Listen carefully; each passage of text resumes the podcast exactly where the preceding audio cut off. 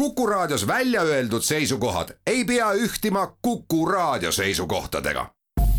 Te kuulate Kuku Raadiot.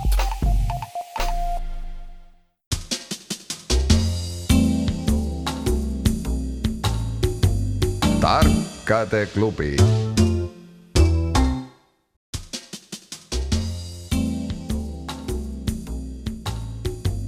tarkade klubi tere taas! kuku raadio Tarkade klubi tervitab häid kuulajaid helmekuu kolmandal laupäeval, kui tuleb valmis olla pendipäeva peamiseks uskumiseks, nimelt usside talveunest ärkamiseks ja kell vaim ning füüsis valmis ka Eesti Veeremängu Liidu sünnipäeva tähistamiseks. see auväärne organisatsioon saab täna üheksakümmend üks. on päev, mis ehk võimaldab mõnel pool unistav tunnustavalt vaadata nurgas seisvaid suuski ja loota, et leidub mõni ruutmeeter lund, kus talve viimased meetrid kirja saada, aga pigem on need kilomeetrid juba laotatud treeningpäevikusse aastakümnete pärast lastelastele lastele jutustamiseks ja näitamiseks, kui kõva trenni ees vanaisa või vanaema omal ajal haanjakuplite vahel sõitmas oli. Mälumäng on tegevus, mis aasta-ajast ei küsi ja tõtt-öelda ka aastatest mitte, sest kõik kunagi olnu on alati küsimist ja meenutamist väärt, kui tal vähegi küsimise väärtust mõistagi on. meie Tarkade klubi saade proovib sellele teisele järgneva tunni jooksul ka tõendit taha saada. me jätkame tänagi sama toreda neliku mängijatega, kellega nädal tagasi kohtusime. hea meel on Tallinna stuudios tervitada ajakirjanikku, ajaloolast, Postimehe arvamustoimetuse liiget ja paljude väljaannete hinnatud külalisautorit Erkki Bahovskit. tere! Ja ajaloolast ajakirjanikku, ajakirjas Sõdur peatoimetajat Heikis Suurkask. tervist! Tartu stuudios aga hinnatud geograafe Tartu Ülikoolist, loodusgeograafia kaasprofessorit ja Tartu maratoni noorveteran Taavi Paet. tere! ja teadurit ja Märgala Teaduste Ühingu liiget, muuhulgas ka Johan Eichfeldi teadustööde jälgedes jätkavat Jaan Pärna. tere ja Herojam Slava! hea meel on teid taas kohata, kuulda, nagu ka kümmet küsimust saatejuhi näppude vahel. Need on täna jaotunud järgmistesse teemadesse. ajalugu, mõistagi, geograafia, mõistagi, loodus, mood ja aksessuaarid ning vaaria küsimuste autorid on täna Kivimäe kooli ajaloo ja ühiskonnaõpetuse õpetaja Margus Pillau, raadiokuulajad Lauri Laanisto, Janar Tiiroja ja siinkõneleja Timo Tarve. alustame ja avavaliku õiguse saab täna Tallinn, Erki, Heiki, palun. no võtame ajalugu või, siis saame äkki punkti, pääseme nullist. okei ja tuleb klassikaline ajalugu. Rooma linnas on teatud hulgal alles juba antiikajast pärit ehitisi või vähemalt nende varemeid, kuid kujudest ainult üks see loodi teisel sajandil, täpsemalt aastal sada seitsekümmend kuus ja on pronksist. tänapäeval Kapitooliumi muuseumide kogudesse kuuluv. keda kujutav skulptuur, kõlab küsimus on tehtud kindlaks, et kristlased, kes paganliku ajastu mälestusmärgid omal ajal hävitasid, jätsid nimelt selle alles eksikombel, kuna arvasid, et ühe väljapaistva ristiusu edendajaga on tegemist. küsitavat isikut on ka president Toomas Hendrik Ilves mitmel puhul osundada võtnud, eriti oma riigipeaks olemise hakul. kõlab nagu arutlemisväärne küsimus.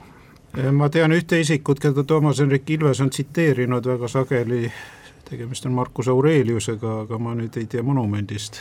monumendist ei tea jah, ehkki Aureliusega ju seostub see, et oli kristlaste tagakius, et siin peitub natuke selline iroonia jah need aastad nagu isegi klapiksid ju, et sada seitsekümmend kuus pärast Kristust, eks ole, jah ja.. ma ei tea, ma mõtlen, et noh, kujusid tehti keisritele, ega see muud nagu okay. muid, kui muid kujusid, jumalatele tehti ka, aga jumalaid ju sa ei saa tsiteerida no,. keisrite kujud tehti mingil ajal niimoodi, et saaks pea ära vahetada, sest ei ole keisrvahetus, et nagu jah, jah aga noh, ma ei, ma ei tea, et mõtleme veel, et mis siis seal veel võiks olla no,. Kapitooliumi hunt, aga see nüüd ja seda ei saa tsiteerida, noh. sada seitsekümmend kuus, noh, see oli ikkagi Aureliuse eluajal tehtud, no ma ei, ma ei tea, ma ei nagu, ja noh, seda tsiteeritakse hästi palju jah, mitte ainult Ilves, vaid ka isegi vist kas mitte praegune president ei ole tsiteerinud, aga pakume seda siis või? ma tahtsin lihtsalt seda arutelu kuulda, et mitte teid katkestada, tõepoolest, see on keiser Marcus Aurelius, imperaator aastatel sada kuuskümmend üks kuni sada kaheksakümmend. nii et küsitud ratsamonument, ratsamonument püstitati tema eluajal, oli ühtlasi siis ka filosoof Stoik, näiteks meilgi mitmes trükis avaldatud teose iseendale autor.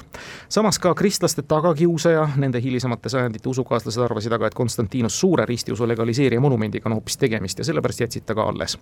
Ilvese kasutatud tsitaat temalt, üks paljudest, parim kättemaks on mitte nendesugusteks muutuda ja tõepoolest seda ka kaasajal kasutatakse väga palju. suurepärane algus, Tallinn üks, Tartu saab teema valida. noh, peame vist teise ajaloo ära võtma vastast. teine ajalugu. täpselt sada aastat tagasi üheksateistkümnendal märtsil tuhat üheksasada kakskümmend kaks tegi ajalugu kahekümne kahe aastane Ernst Alm Norsiust, kellest sai esimesel omataolisel parim noorim. ta on seda tänini, noorim siis. Idee selleks esimeseks omataoliseks esitas Anders Norš Moorast kes vastava ettepaneku kirjutises Westmanlandi lääne häälekandjale sõnastas. ja vedu võeti, kõigest kuu ajaga ja Dagans Nyheter pani väikese auhinnarahagi mängu, tuhat Rootsi krooni. kui Norsiöst sai ajaloo noorim, siis Jörgen Brinkist kolmekümne seitsme aastasena vanim omataoline ja seda kümme aastat tagasi. mille kohta me küsime? no jah, Jörgen Brink sinna läks juba, tegi asja liiga lihtsaks, sest vanade suusameestena me teame, et isegi on selline mõiste olemas nagu prinki panema. aga see tähendas küll, et Jörgen Brink vist läks suusaajalukku sellega, et ta sai ühel võistlusel sellise haamri, et, et Norra vist kaotas seal kas mingis teatesõidus kuskil. aga vist see aasta tähistati Vasalopeti sajandat juubelit. kõik õige, just, suusamehed, suusaveteranid teavad, ma ei hakka küsima, Taavi, oled sa Vasalopeti läbinud juba? ei ole. on plaanis äh,? ei tea. sa oled Jürgen Brinkist natukene vanem, nii et sul on võimalus seal ajalugu teha ja see tiitel endale võtta, tõepoolest, tegemist on Vasalopetiga sa mõtled pring, pringi panemise pringi panemist aga hästi, viigiseisult jätkame. Erki, Heiki. nüüd on keeruline, et äh, ma ei tea, mis sul mõtted on, ma, ma no, võtaks pulli pärast selle moodi aksessuaarid äkki või? no proovime ära selle Mo. moodi aksessuaarid. jaa, moodi aksessuaarid muinasajal ja vanaajal, nii et läheme jälle ajalukku, oli kasutusel üks tavaliselt hinnalisest materjalist valmistatud väike ehe, mis ühtlasi maagilise amuleti funktsioone täitis. tumedaid jõudusid eemale peletama pidi teateid nende kohta on nii India kui Hiina esimestest tsivilisatsioonidest kolmandal ja teisel Kristuse-eelsel aastatuhandel, paljud kõnealustest näiteks ka merikarpidest tehtud. keskajal, esimest korda kolmeteistkümnenda sajandi Saksamaal sai see täiesti uue funktsiooni, millisena meilegi nüüd tavaline on kunagine eriline eksklusiivne staatus aga mingil moel säilis, esialgu luksusaksessuaarina põhiliselt aadlike ja rikaste poolt kantuna renessansiaegne Prantsusmaa, kuulus kuningas Francois Esimene näiteks kandis neid ühe korraga arvuliselt kokku loetud rekordiliselt kolmteist tuhat kuussada, kõik kullast. sellisena antud juhul dekoratiivsetena ja mille kohta me küsime? Kas see kolmteist tuhat kuussada, kas ta kandis neid korraga või, või, või nagu eraldi elu jooksul? ühe korra, ühe korraga arvuliselt kokku loetud. siis pidid väga pisikesed asjad olema, merikarpidest no igasugused raudrüüd olid ja igasuguseid imesuguseid rüüd ju vormistati ju, kuningatele veel eriti vormistati igasugu ime, imeasju, aga mingi asi, mida peab olema korraga kolmteist tuhat kuussada peal, et mis asjad need mingid väiksed nööbid siis saavad olla ainult või?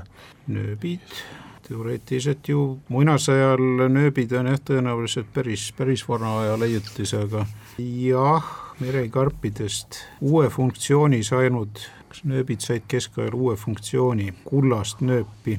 ma mõtlen, et millal neid nööpe hakati nagu tegema, no luunööbid olid olemas minu meelest juba äh, eelajaloolisel ajal. et äh,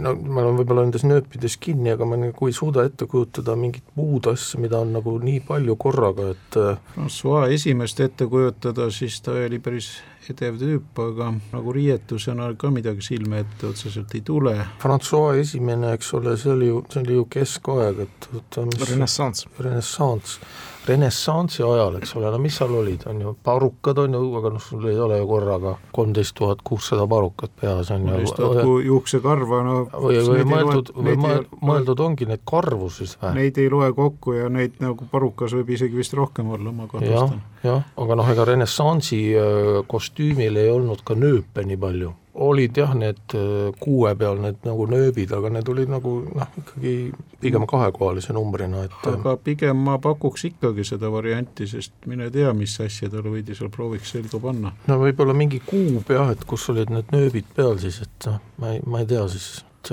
igasugu vööd ja õlavööd võisid olla nööpidega palistatud. no seda ka jah, ja võib-olla siis oli mingid nagu rõngassärgid, kuhu said neid nööpe nagu toppida või ma ei tea, noh, ma ei, ma ei kujuta ette, mis noh, paneme nööbid. õige, tõepoolest, nööp nimetatud Prantsuse kuningas lasi rätsepatel endale spetsiaalse sametkostüümi õmmelda ja sellele siis kõik nööbid paigaldada. kaks-üks, Tallinn läheb ette, Tartu valik. riskime vaariat, teeme elu huvi, huvitavaks.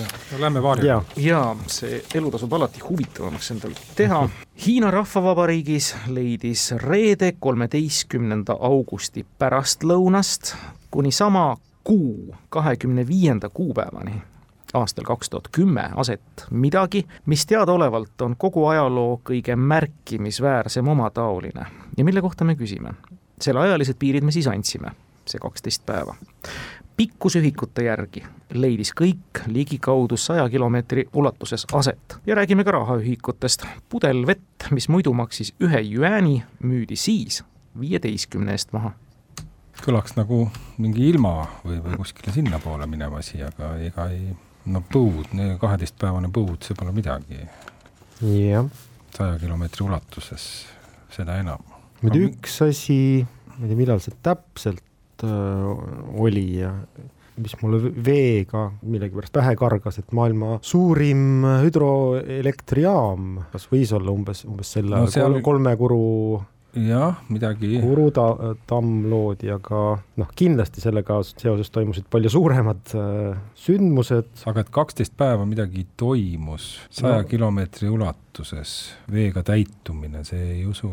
see oli ikkagi joogivee hind läks mingi ja. pudel vett okay.. pudel joogivett, mis muidu maksis jüääni, müüdi tol perioodil viieteistkümne eest maha ja pärast jälle läks hüääni peale mm. -hmm. hüääni, hüääni. aga miks ja. peaks vesi, pudelivett sulle, et sa ei saa, üks variant, et no ei no aga pinnavett sa niiviisi ei joo niikuinii, eks ju mm,. jah, et kas seda Yangtze vett ei no see tarvitati. ikkagi ka tugevama mehe, ma arvan võtab maha, aga et võtame nüüd niiviisi, et, et selleks, et mingi kaup hind tõuseks viisteist korda, ta peab muutuma väga defitsiitseks, et sul on ikkagi. ja, aga teine ots peab ka olema, et peab, nõudlus peab äh, säilima, et keegi vaata pudelivett äh, päris igaüks äh, ka üldse ei, ei nõua. aga nüüd, aga nüüd veel see, et, et, et see nähtus, mis oli vist öeldud veel, et maailmas omataoliselt suurim või midagi. märkimisväärsem. ja sada kilomeetrit pikk et ta on umbes sada kilomeetrit pikk, mis ütleb, et see ei ole päris täpselt äh, mõõdetav. ligikaudu saja kilomeetri ulatuses. aga mingi -huh. mingi järjekord millegi juurde mm. -hmm, mm -hmm jaa, muidugi sellised asjad äh, võivad olla liiklusummikud, hetkel on praegu, praegu äh, maailma võt, suurim võt, võt. liiklusummik on kuuskümmend viis kilomeetrit pikk, see on Kiievi. Kiievi lähist, mitte lähistel ikka. Kiievi lähistel, jah. ja, ja muidugi see on kindlasti liiklusummik ja Pekingis jah, no mis iganes, sada kilti ja, pikk ja loomulikult ja. taheti juua ju. ja kaksteist päeva kestis, siis ummik lahenes nagu. paneme nii suurepärane tuletis ja tuli välja, see tõepoolest on maailma pikim ja kõige kauem kestnud liiklusummik. Pekingist Tiibetisse viival kiirteel sada kümme, vahepeal oli siis ühe päeva jooksul võimalus ka ainult ühe kilomeetri võrra edasi liikuda. tee lähedal elavad inimesed said siis hädas olevate teeliste arvelt head äri teha.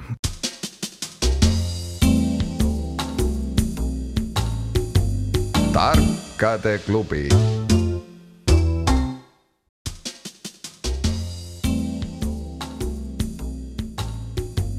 tarkade klubi. kaks-kaks pärast nelja küsimust, väga hästi läheme, Heiki ja Erki? ma ei tea, Heiki pakub. mina võtaks geograafia. no siis on geograafia uh. Mhm. -huh. Ühendkuningriigi monarhi käitumisetiketi juurde käib muuhulgas tingimus, et kuningas või valitsev kuninganna mitte kunagi mitte ühegi teise riigi monarhi troonile istuda ei tohi. aga kahe tuhande neljateistkümnendal aastal, mil Elizabeth Teine ja prints Philip ühel oma järjekordsetest visiitidest viibisid, tehti tema majesteedile ometi ettepanek ühele troonile, mis üleni teatud konkreetsest materjalist valmistatuna ka laiemalt on tuntuks saanud, istuda. ja muidugi Elizabeth keeldus. millise riigi troonist käib jutt? huvitav, huvitav. no sina oled uurinud neid monarhia, et ühest materjalist konkreetselt ühest materjalist, jah. ühest materjalist troon, et kaks tuhat neliteist. see pidi olema ikkagi siis nagu reaalne kuningas, kui ma mõtlen nagu noh, Venemaale näiteks, on Elizabeth vist Venemaal kaks tuhat neliteist ei käinud, et noh, Venemaal on neid troone ka ilmselt kuskil, aga mingist materjalist troon, mingi elevandiluust troon kuskil. jah, aga ma mõtlen, et mis riik see siis on, Aafrika ilmselt siis või kaks tuhat neliteist, oota, kas see Troonide mäng sari oli sel ajal juba olemas, telesari, aga hea küsimus, jah. aga kas see oli ikka tegelikult tegeliku riigi troon või troonile istumine tähendab trooni võimu võtmist, et selles suhtes loomulik, et nagu kuningas ei saa nagu ilma poliitiliste tagajärgedeta seda asja teha, aga aa, sa mõtled, et ta istus äkki sinna et kui ta oleks istunud teise riigi troonile, siis ta oleks ka selle riigi valitseja justkui olnud. ja, jah, aga no miks ta, miks Elizabeth teine oleks pidanud minema troonide mängu, kus iganes see on, stuudiosse, et et see on muidugi jah, kuninganna käitumist teades nagu ei ole, ei üllata, kui ta niisuguseid ootamatuid asju teeb, aga kui ikka mõelda mingi reaalse riigi või nii-öelda konventsionaalse mõtlemisega, siis võiks olla see kuskil Aafrikas, eks ole, aga noh, seal ei ole tegelikult ju, Aafrikas ei ole ka nagu otseselt monarhia, et noh, no on, eks ole, see no, Zulude kuningas on ja siis on see Eswatini jah, eks ole, kus on kuningas. põhimõtteliselt need Uganda väikesed kuningriigid olid, äh, aga ma ei tea, et see nagu Ugandas väga seikelnud oleks. Uganda on endine koloonia küll, aga seal ei ole kuningas ju ikkagi praegu. aga Lõuna-Aafrikas teda võidi ju viia küll kuskile, ma ei tea, tea, kas suulude aladele ka, aga kas sa küsid riiki või? küsimus kõlab, millise riigi troonist käib jutt, jah? no siis on jah, riik. troonide mängus olid ka riigid, eks ole, et aga noh, ma isegi ei mäleta, kuidas neid nimetati, ma olen vaadanud küll seda, aga pigem ma arvaks, et ikka on tegemist riigi, reaalse riigiga, aga Tai, Kambodža Brunei Brunei on alati see riik, kus käimisest tekib igasugused skandaalid takkajärgedega. ja, jah, no huvitav on jah, noh siin on ka see, et kas see, kas see, selles riigis on reaalselt kuningas võimul või on tegemist mingisuguse endise kuninga trooniga, et noh, Itaalial oli ka kuningas näiteks ja noh, Kreekas oli prints Philip on ju Kreekast või oli Kreekast pärit näiteks. Itaalia ja Kreeka kuningakojad olid nii noored, et tõenäoliselt äh, nad isegi enam ei osanud selle troonile nii suurt rõhku panna, aga keskajal oli troon nagu otse, otsene võimusümbol. jah, noh, on ka see suur küsimus, et miks peaks mingisugune riik lubama kellelgi oma troonile istuda, teisel valitsejal. pigem on ta nagu endine troon sel juhul, et nagu riik enam ei ole monarhia. ja näitab siis seda võib-olla, et on nagu monarhiast vabanetud või, või võis olla see äkki Jaapan või? Jaapanis keisritroon võib isegi täitsa olemas olla. ja, ja noh, keiser on Jaapanis olemas, aga noh, ta ei ole reaalse võimuga, noh äkki tal on sümboolselt ikkagi palju võimu, et no jaapanlaste viisakus võis ju niisugust asja ette näha isegi, et võimalus ah,. ma ei tea, pakume siis Jaapanit. ei ole Jaapan, aga tore oli arutlemist kuulata. Tartu oi, meil, mul jäi ainult kõrva see, et me Jaaniga oleme Bruneis käinud ja isegi sellest artikli avaldanud ajakirjas ja sellest ei tulnud mitte mingit jama ei tulnud. mingit skandaali, et kaks varianti, kas keda, kedagi asi oli meis või siis ikkagi Bruneis aga see selleks, Brunei, ma arvan ikkagi no ja me käisime seal isegi muuseumis, kus oli neid troone mitmesuguseid näha. jah, mingist erilisest materjalist nad ei olnud, kindlasti nad olid mingist kallist materjalist. aga huvitav, nagu mina mõtlen mingi trooni peale ikkagi mm, -hmm. siis noh, ta võiks nagu olla mitmest materjalist ja noh, et puu ja mingid polsterdused ja aga siin jääb küsimusest nagu, et see oleks ühest mingist erilisest mm -hmm. materjalist. üleni no see... teatud konkreetsest materjalist. jah, üldse, kus suunas minna, tõesti see ilukirjandus äh, oli kindlasti väga, väga põnev suund, kus, kuhu Tallinn läks ja minu meelest no tõesti, ma ei ole ühtegi osa vaadanud seda troonide mängu, aga, aga mingit, mingi pilt kusagilt äh, kängastub silme ette ja minu meelest see on vähemalt kaunistatud väga suurelt kas ei ole mõõkadega või, või mingite trofeedega just. aga kui me räägime tänapäevastest, et see võis vabalt juhtuda mõnes tavalises Euroopa kuningakojas, et kas neil on üldse ikkagi troon olemas? mina tean küll, et Taani kuningakojal on troon ja see vist on mingi legendi järgi, kas umbes üks sarve luust, aga tegelikult äh, bioloogid on tuvastanud, et see on hoopis narvali sarv, aga jälle, et kas ta on üleni tehtud, kas saab öelda, et, et see droon on tehtud või seda ainult kaunistab see narvali sarv äh,? olemata küll suur mitte kuningakodade noh, mitte suur fänn, aga et kas Elizabetil on ikka kuskil olemas konkreetne troon, et kus ta nagu valitseb, valitseb lihtsalt istub ja siis võtab vastu, võtab vastu jah, inimesi, et see, et mingis mõttes ilmselt neil on kõigil kuskil mingid ajaloolised asjad olemas, aga tänapäeval vist sellist ma arvan, et Elizabetil mm -hmm. isegi on äh, Apple'i arvuti laua peal ja istub täiesti tavalise IKEA tooli aga kaks tuhat neliteist, äh, no siin on mitu varianti, et üks on see, et ta on, sellest vist ei tulnud välja, et, et et, et see võib olla nagu mingi noh, käis muuseumis kuskil, noh, selles mõttes, et see asi ei ole enam üldse nagu päris ja teisel juhul ikkagi, et käiski Taani mm. kuninganna külas ja visati nalja, et noh, istu siis ka. istu siis ja. ka ja siis oli, et oi-oi-oi, et see nagu no ühelt poolt see kirjandusse minek oleks nagu kõige huvitavam, kui suudaks äh, mingi, mingi riigi sealt öelda, sest küsitakse ju ei, riiki ka no,. muidugi, kui me muud ei oska ja Tallinn juba ju ka ei osanud, siis ma arvan, et äh, ega see on iseenesest, kui sul kuskilt tuleb see Narvali noh, et mm -hmm. vaalaluu on ta põhimõtteliselt Narval nagu, on üks vaala, vaalaline. et vaalaluu ja Taani, et ega siis me nagu vähemalt vastus noh. päris asi. päris asi vastus, eks ju, ja, ja kaks tuhat neliteist Elizabeth võis Taanis käia vabalt. mitu, kaks korda. kaks korda, nii et et aga no vastame selle, ega me vastame Taani.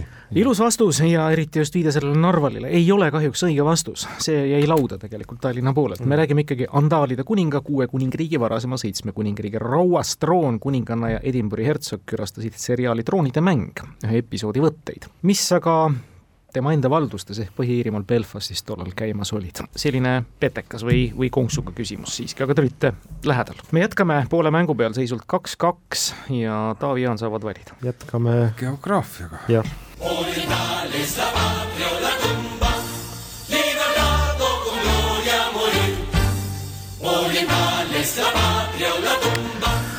Me kuuleme katket maailma pikimast hümnist, see peaks kuuluma Uruguay'le, hümn pealkirjaga Orientales la patria o la tumba. see on saja viiest taktist koosnev laul, mis täispikalt esitatuna, sõltuvalt tempost, on neli pool kuni kuus minutit pikk. aga tulles nüüd geograafia manu, nagu Uruguay hümn tabavalt märkis ja märgib, on selle Lõuna-Ameerika väiksemate hulka kuuluva riigi täispikk nimetus siis Republica Oriental del Uruguay ehk Uruguay idamaine vabariik küsimus kõlab, milles seisneb Uruguay idamaisus geograafilises mõttes? vot nüüd on no, jah, diplom, geograafia diplom tagasi viia, vähemalt see. ida-lääs. vähemalt kõik, mis puudutab riikide pealinnu ja ametlikke nimetusi no aga Lõuna-Ameerika mõttes ta on ju pigem Täitsa ikkagi idarannikul, idarannikul on vähemalt, et mm -hmm. kas sellest ei piisa? Ei, tal on konkreetne põhjus.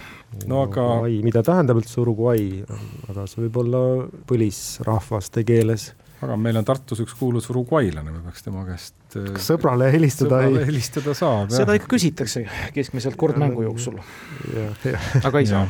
No aga mis seostub üldse idamaisusega, nagu noh, et idamaised vürtsid. Äh, Uruguay on vist äh, suhteliselt euroopalik ja. kogu selle Ladina-Ameerika. jah, uruguaylased, ma saan aru, ise solvuvad, kui öelda, et te, te ei ole mingid eurooplased või euroopalikud. euroopaliku kultuuriga on ta küll, aga Euroopat ju jällegi ei loeta oriendiks, et see on ju, ongi Euroopa keskne mõiste, see orient kuigi ma täpselt nüanssi hispaania keeles ju ei, ei tea, et kas seal mõeld-, mõeldakse seda Euroopa keskselt või, või niimoodi ilmakaare mõttes. aga kas me teame näiteks, et mingi noh, seesama vürtsi teema ikkagi, et äkki hakati seal, me oleme ju koos käinud Lõuna-Ameerikas, eks ju, et ja et selline idamaine vürts, et äkki hakati seda Uruguay's nagu kõige rohkem kasvatama ja sealt levis ta siis nagu. Uruguay's, mida reaalselt tegelikult kasvatatakse minu teada on lihakarja. no liha kasvatatakse hullult. seal väga palju ju erinevates piirkondades. aga kuidas äh, see Oriendiga seostub vürtsidega nagu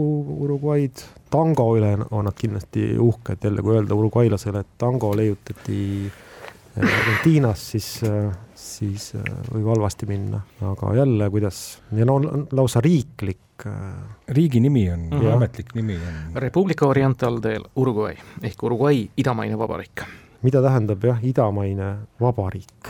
Euroopas me nagu sellist mõistet, meil on igasuguseid, on rahvavabariike ja demokraatlikke vabariike ja, ja ida ikkagi ju tähendab äh, geograafiat põhimõtteliselt küsimuses no. ongi täpne sõnastus, milles seisneb Uruguay idamaisus geograafilises idamaine. mõttes? siin on rõhutatud kaks korda isegi tõlkes seda idamaine, mitte noh, idapoolne, ehk siis ja, ja see idarannik ka ei no idarannik oleks nagu lihtne, aga mm -hmm. see ei puutu asja. ei, ei, see idamaine võib-olla on natuke eksitav, ma ütlen kohe ära, et ärge nüüd ekselge. Oriental oh, no., idamaisus on ta nüüd ebatäpne tõlge siis, ütleme siis nii. ahhaa, no üks sõna oriental on nagu orienteeruma, et, et aga mis neem see siis, äh, põhimõtteliselt ju on äh, Uruguay ise üks suur poolsaar seal La Plata lahe ääres, seal peaaegu vist paistab äh, Argentiina või Buenos Aires kätte, et äkki see on siis see nagu noh, sihiriik või, või midagi navigeerimisega ja orienteerumisega. no aga vastame midagi siis umbmäärast, et ta on ikkagi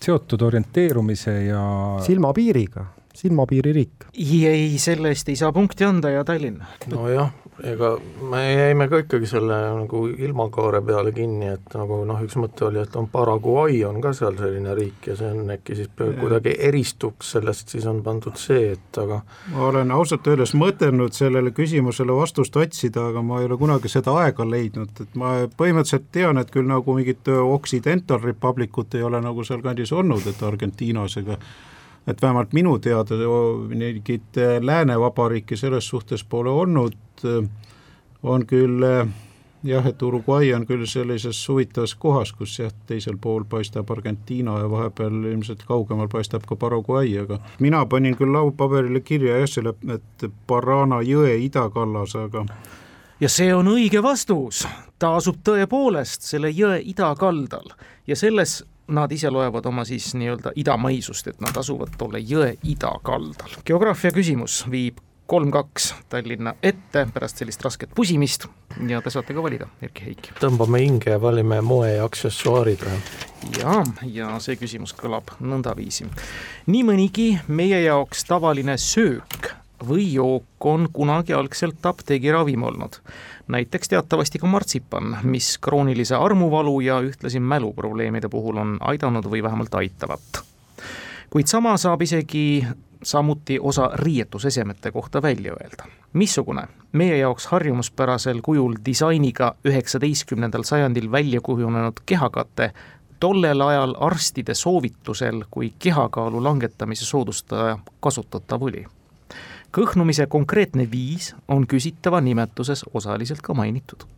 huvitav küsimus jah, no korsett oli ju varem olemas, et üheksateistkümnendal sajandil, kes ei olnud see äh, korsett välja kujunenud, et see oli nagu varem kasutusel, et äh, siin on ilmselt see keeleline see võti, et mis riietuse esemes teine siis... variant võiks olla püksirihm näiteks püksirihm on jah hea mõte, et et aga see viitab, viitab kõhnumisele. püksid ja rihm, no mis see, aa tegelikult on ju jah, et kui ta on inglise keeles on belt, eks ole, see võib olla küll jah, ma mõtlen, et kas on veel midagi, et üheksateistkümnendal sajandil noh, pintsak oli põhimõtteliselt juba olemas, eks ole, nagu sellisel kujul, ta oli vist küll natuke nagu selline suurema lõikega, eks ole, oli pintsak ja ja noh, püksid olid ka. no pintsakut sai laiendada ja õhjendada, et selles suhtes nööbid lahti nööbid kinni, aga rihma pingutada, et see väljend nagu on jah, jah, jah, no soome keeles on ka, eks ole, et on nagu noh, see püksirihm on äh, vöö ja, ja noh, see nii-öelda see puusade koht või see, kus sa mõ-, noh, mõõdad seda pükste suurust, on vööter, see on nagu, tundub nagu vist kõige loogilisem, ma, ma mõtlen veel natuke, et kas nagu naiste riietuses ei võiks midagi olla, et mis seal siis võis olla, noh, korsett oli juba varem, eks ole, nagu ma ütlesin, noh, seelik oli ka nagu kleit, noh, see ei viita nagu ikkagi kõõnamisele. kas naiste ülekaal sel ajal väga suur probleem isegi jah, see ei olnudki jah, seda peetigi nagu selliseks nii-öelda see pigem jah, kõhnusid nagu mehed, et mis siis Või... nagu rasv, jah, õllekõht seostus ikka meestega pigem, aga mina pakuks ikkagi püksirihm. nojah, pakun püksirihme. ilus pakkumine ei ole kahjuks õige vastus ja nüüd saab Tartu moejuurde arutleda. no korra meil, või ma panin kirja, aga no vist ikkagi jälle ei klapi, aga traksid, et traksis olema, aga, aga ega me võime ka edasi mõelda ikkagi traksid. no sõna traksid, kas see tuleb äh, nagu saksa Tragen. ei no kindlasti on äh, selles mõttes, et üheks, no traksid, ma arvan, on äh, palju vanem, ma arvan, see püksirihm on kindlasti ka, ei olnud väga raske ilmselt välja mõelda, kui püksid alla kukkusid. püksirihmaga oli tegelikult äh, veits hilisem on küll püksirihm, noh, see on muidugi vale vastus, aga näiteks püksirihm algselt pikalt oli relvavöö ja siis sai aksessuaariks ja, ja ütleme niimoodi tarbeesemeks sai tõesti üheksateistkümnendal sajandil nii et ma ei imestaks ka trakside kohta, et äh, tänapäevasel kujul neid äh, ei olnud nii ammu. no aga ma ei tea, siis vastame. aga jah, mingit muud äh, nimeta, veel mingi. muidugi võib täitsa mingi absurdne, mingi müts, mingit laadi müts, et kanna seda mütsi ja siis ma saan aru, et see tegelikult on ju no kaalul, nojah noh, et see, ei no see tõenäoliselt oli ju jama kõik. oota, kui mõelda ikkagi üldse kaalu langetamise kohta sõnu, no ütleme, salenemine näiteks, kas on riietusese, milles on see tüvi? seil. ei ole sailing no ega me ei saa päris mingi, ma ei tea, et anna, anna kiki lipsu ja ei, et kui on, no neid sõnu sal-, selle kaalust allavõtmise kohta ei ole ju, neid on nii palju, me suudame neid vast nimetada kõik. et noh, salenemine, kõhnumine, peenenemine ühtegi riietuses, et ei no ei saa, lõpuks on mingi vastus, on lihtsalt aluspüksid, et siis hakati nagu laialdaselt tänapäevases no kas seal ei ole nimes sees nagu kaalust alla võtmist? kõhnumise viis. Milli-, jah, nimeta kõhnumise viis. nälgimine, sportimine see üheksateist sajand lõpp võis küll see olla, kus hakati, et tee sporti ja siis see see tuli kindlasti, jah. saunas käimine leil, aga seal ei ole riideid jälle. põhimõtteliselt kõhnumine on ikkagi kahe variandi ju. higistamine. kahe variandi kokku, aga sviiter. jaa, sweater, no jah, jah, et sa higist, paned selle sweateri, sviitri selga ja hakkad higistama, ma olen alati mõelnud, et kas see on juhus see, et ta on ju inglise keeles higis, higi, higi see asi paneme, see on sviiter, jah. jälle hiilgav tuletis tuleb siit ära, tasub natukene küsimuse peale mõelda, see on sviiter ja see ongi sellest tulnud. To sweat ehk higistama arvati, et vastavalt tihedalt ümber keha hoidva kampsuni kandmine higistamist soodustab ja seeläbi siis ka salenemist.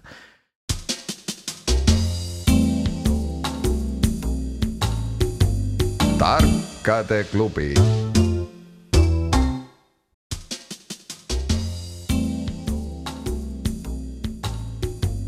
tarkade klubi. Te viigistate sellega seisu kolm-kolm, meil on kolm küsimust ka lõpuni, kaks loodust, üks vaaria. kumb jääb? muidu ärme jäta vastaseid ka loodusest ilma, nii et siis vaaria. millise ka meie kaasajal tuntud teooriale pani aluse üheksateistkümnenda sajandi Inglise leiutaja ja kirjanik Samuel Rowbotham esimest korda tutvustas ta seda varjunime Parallax all avaldatud raamatus, mille pealkirja esimene osa on Zetetic Astronomy. juba ligikaudu sada aastat hiljem, tuhat üheksasada viiskümmend kuus, loodi samuti üleilmne zeteetiline ühing. küsitava maailmavaateliseks aluseks on põhitõde või hoiak, mida omakorda kutsutakse mõistega denialism. milline teooria? väga palju ei no denialism, teine ma ei tea, kui, kui suur teooria see on, on ka nihilism ja siis äh, võib-olla rohkem tänapäeva filosoofiasse jõudnud mõiste on ka näiteks agnostitsism, mis ütleb siis, et äh, noh, näiteks Jumala olemasolu kohta, et äh, seda pole võimalik te teaduslikul meetodil ei kinnitada ega ümber lükata, nii et siis mõistlikum on jääda nii-öelda äraootavale seisukohale. astronoomia samas et kas, kas mis seal selle astronoomia kohta öeldud oli? et see oligi seteetiline astronoomia, selle raamatu nimi, pealkiri oligi mm -hmm, no, pealkiri esimene osa. aga kuna see üldse, see tähtkujude ja see värk, kas see on palju vanem? tähtkujud on ikka vanast Kreekast. ei, ei seda küll, aga ma mõtlen, see, see uhuu. ja see on ka vanast Kreekast. astroloogia jah, keskus, üks keskusi oli näiteks Aleksandria. ei no kõik ja. ikka see tänapäevane lehesabades olev asi on ikkagi ahah, konkreetselt see, et äh, kui sa oled sündinud. Äh, noh, et sündinud veevalaja ja siis mm. -hmm. noh, see oleks ju astroloogia ikkagi, aga no mine tea jah, see eetiline astronoomia ei saa välistada, et äh, see asi kiskus lõpuks ikka astroloogiasse, aga aga see denialism ju, ju noh, eriti inglise keeles, muidu veel võiks öelda, et on äkki kokkusattumus, aga see tähendab, denial tähendab konkreetselt eitamist, et siis küsimus, mis astronoomia või minu poolest ka astroloogia see on, mis ikka suhteliselt hiline asi on, isegi see institutsionaliseerumine nagu teaduse mõttes ju, kui nagu kõik nagu päris, päris teadus oli nagu täies äh, hoos mina olen vanu ajalehti lugenud, ma ei ole seal näinud neid igasuguseid kaljukitse ja neid äh, jurasid, mis kirjutati, et äkki, aga noh, see on minu lihtsalt mm., et äkki kogu see, ma väga vabandan muidugi, et ma niiviisi no mina ei usu neid asju aga no see on ainult tegelikult, ma, ma saan nendest sõnadest aru ainult sõnast astronoomia seal, mis seal oli kirjas, et see oli mingit sorti astronoomia. jah, jah. mille, mille siis äh, see äh, tuntud, noh, mina kuulsin küll esimest korda kirjanik kirjutas mingi loo üheksateist sajandi mm -hmm. keskel ja vabalt võis olla, et ta kirjutas esimest korda sellise loo, kuidas, et äh, kaljukitsed on sellised ja ja teised on sellised, aga võib-olla ma ajan seda lihtsalt sama asja kordan siin kogu aeg, sest ma ei oska muud midagi vastata.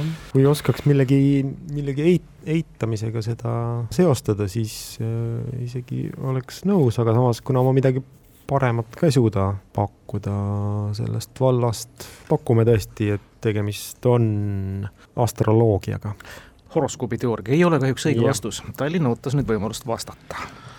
No ma ei tea astronoomiast palju, aga see denialism kõlab nagu ikkagi, et see on see lamemaalaste teooria. kõik õige, see on lameda maa teooria.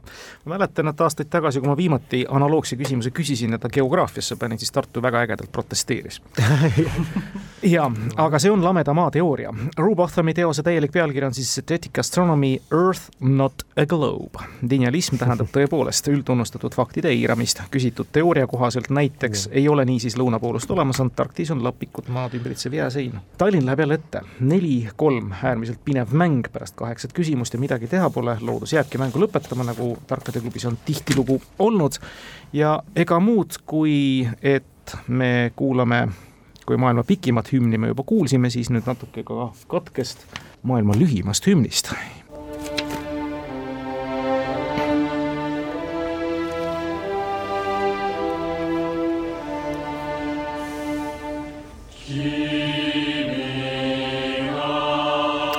ja see on Lauri Laanistu küsimus ka. Jaapani hümn Kimi ga yo, tõlkes tema keisarliku kõrguse valitsemine, on maailma vanimaid ja lühimaid. selle sõnad on kirjutatud ligemale tuhat aastat tagasi ja hümnil on ainult üks salm, selles on kokku kaheksateist sõna. selles salmis mainitakse ka üht elusolendit. keda, kõlab küsimus. antud taimele on pühendatud ka üks vanasõna ja just selles kontekstis, millest kõneleb ka meie huviorbiidis olev stroof hümnis. kulbik, helvik ja tiivik on mõned liigid pealt viiesajast, keda Eestis leidub.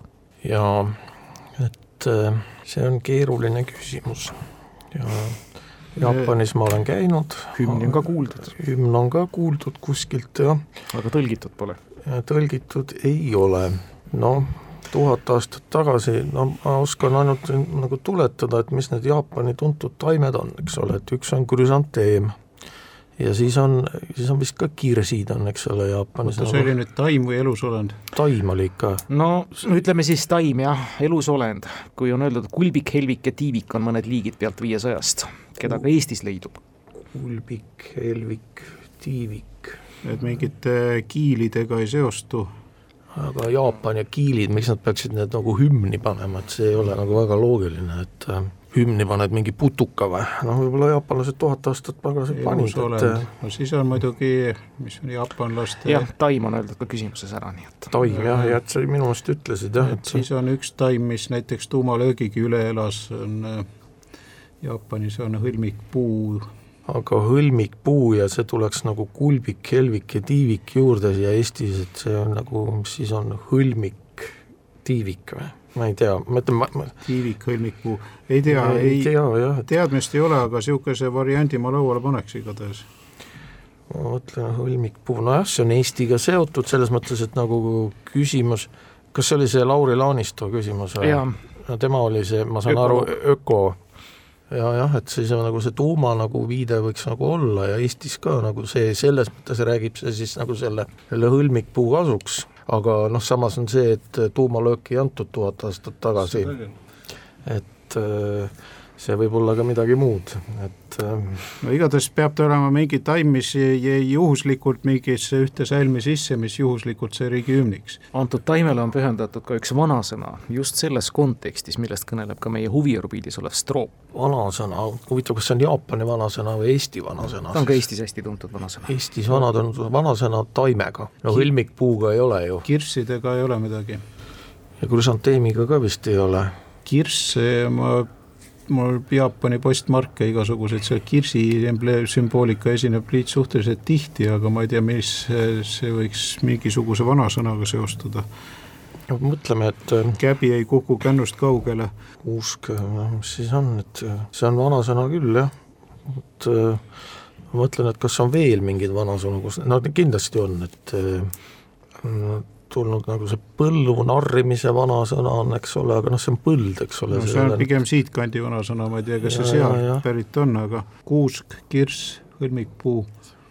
no hõlmikpuu vaevalt, hõlmikpuu nagu, nagu vanasõna nagu ei ole, et noh no. ja kirsi, kirsi, mul ei tule meelde, võib-olla on ka kuskil vanasõna, et no kuusk männil, männil on ka käbid, et lihtsalt paneme käbi või see vist ei lähe arvesse. see ei ole see. sirelid, kirsid, mingi õitsemine. jah, õitsemisega seotud see ilmselt ongi kuidagi, aga karikakar on äkki midagi kuidagi õitsemisega. kas see on Jaapanis levinud? ausalt öelda ma ei tea. mina pakuks pigem kirss sel juhul. no pakume kirss.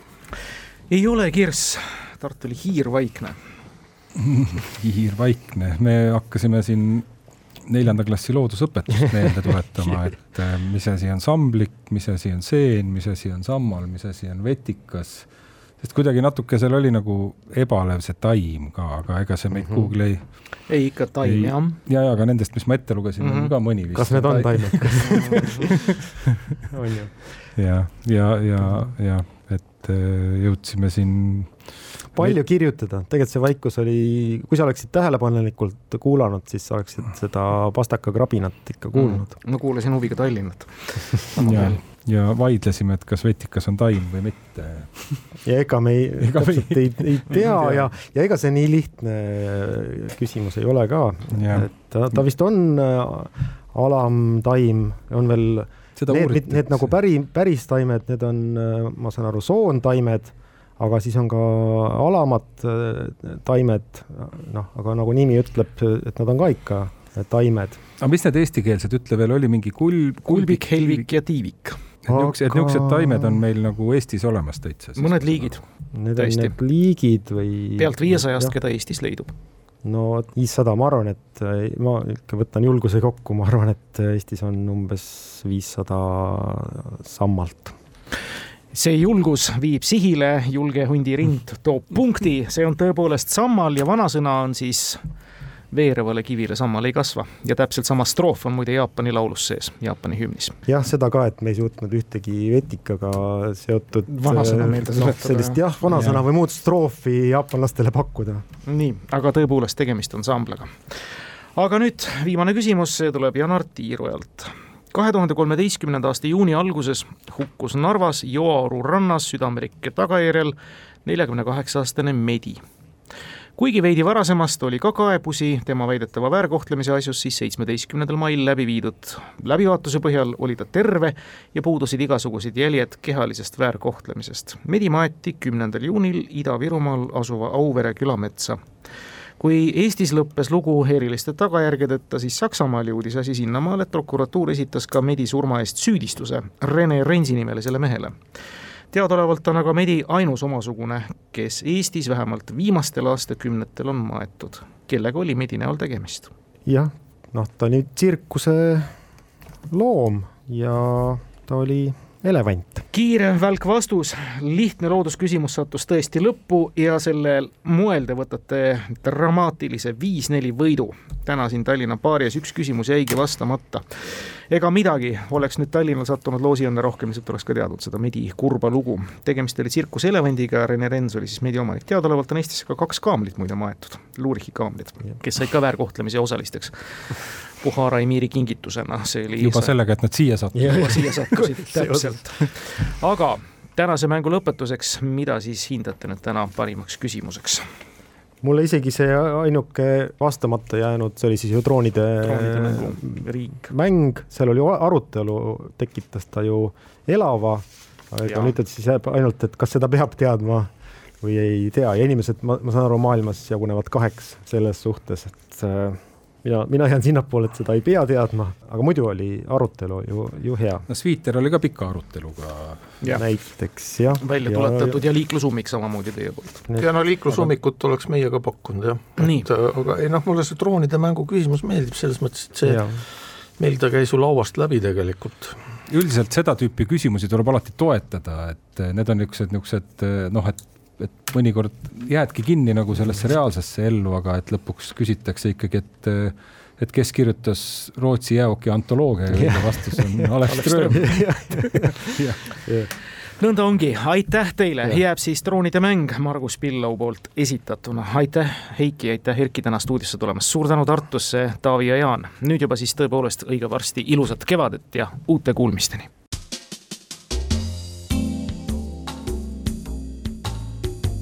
Tarkade klubi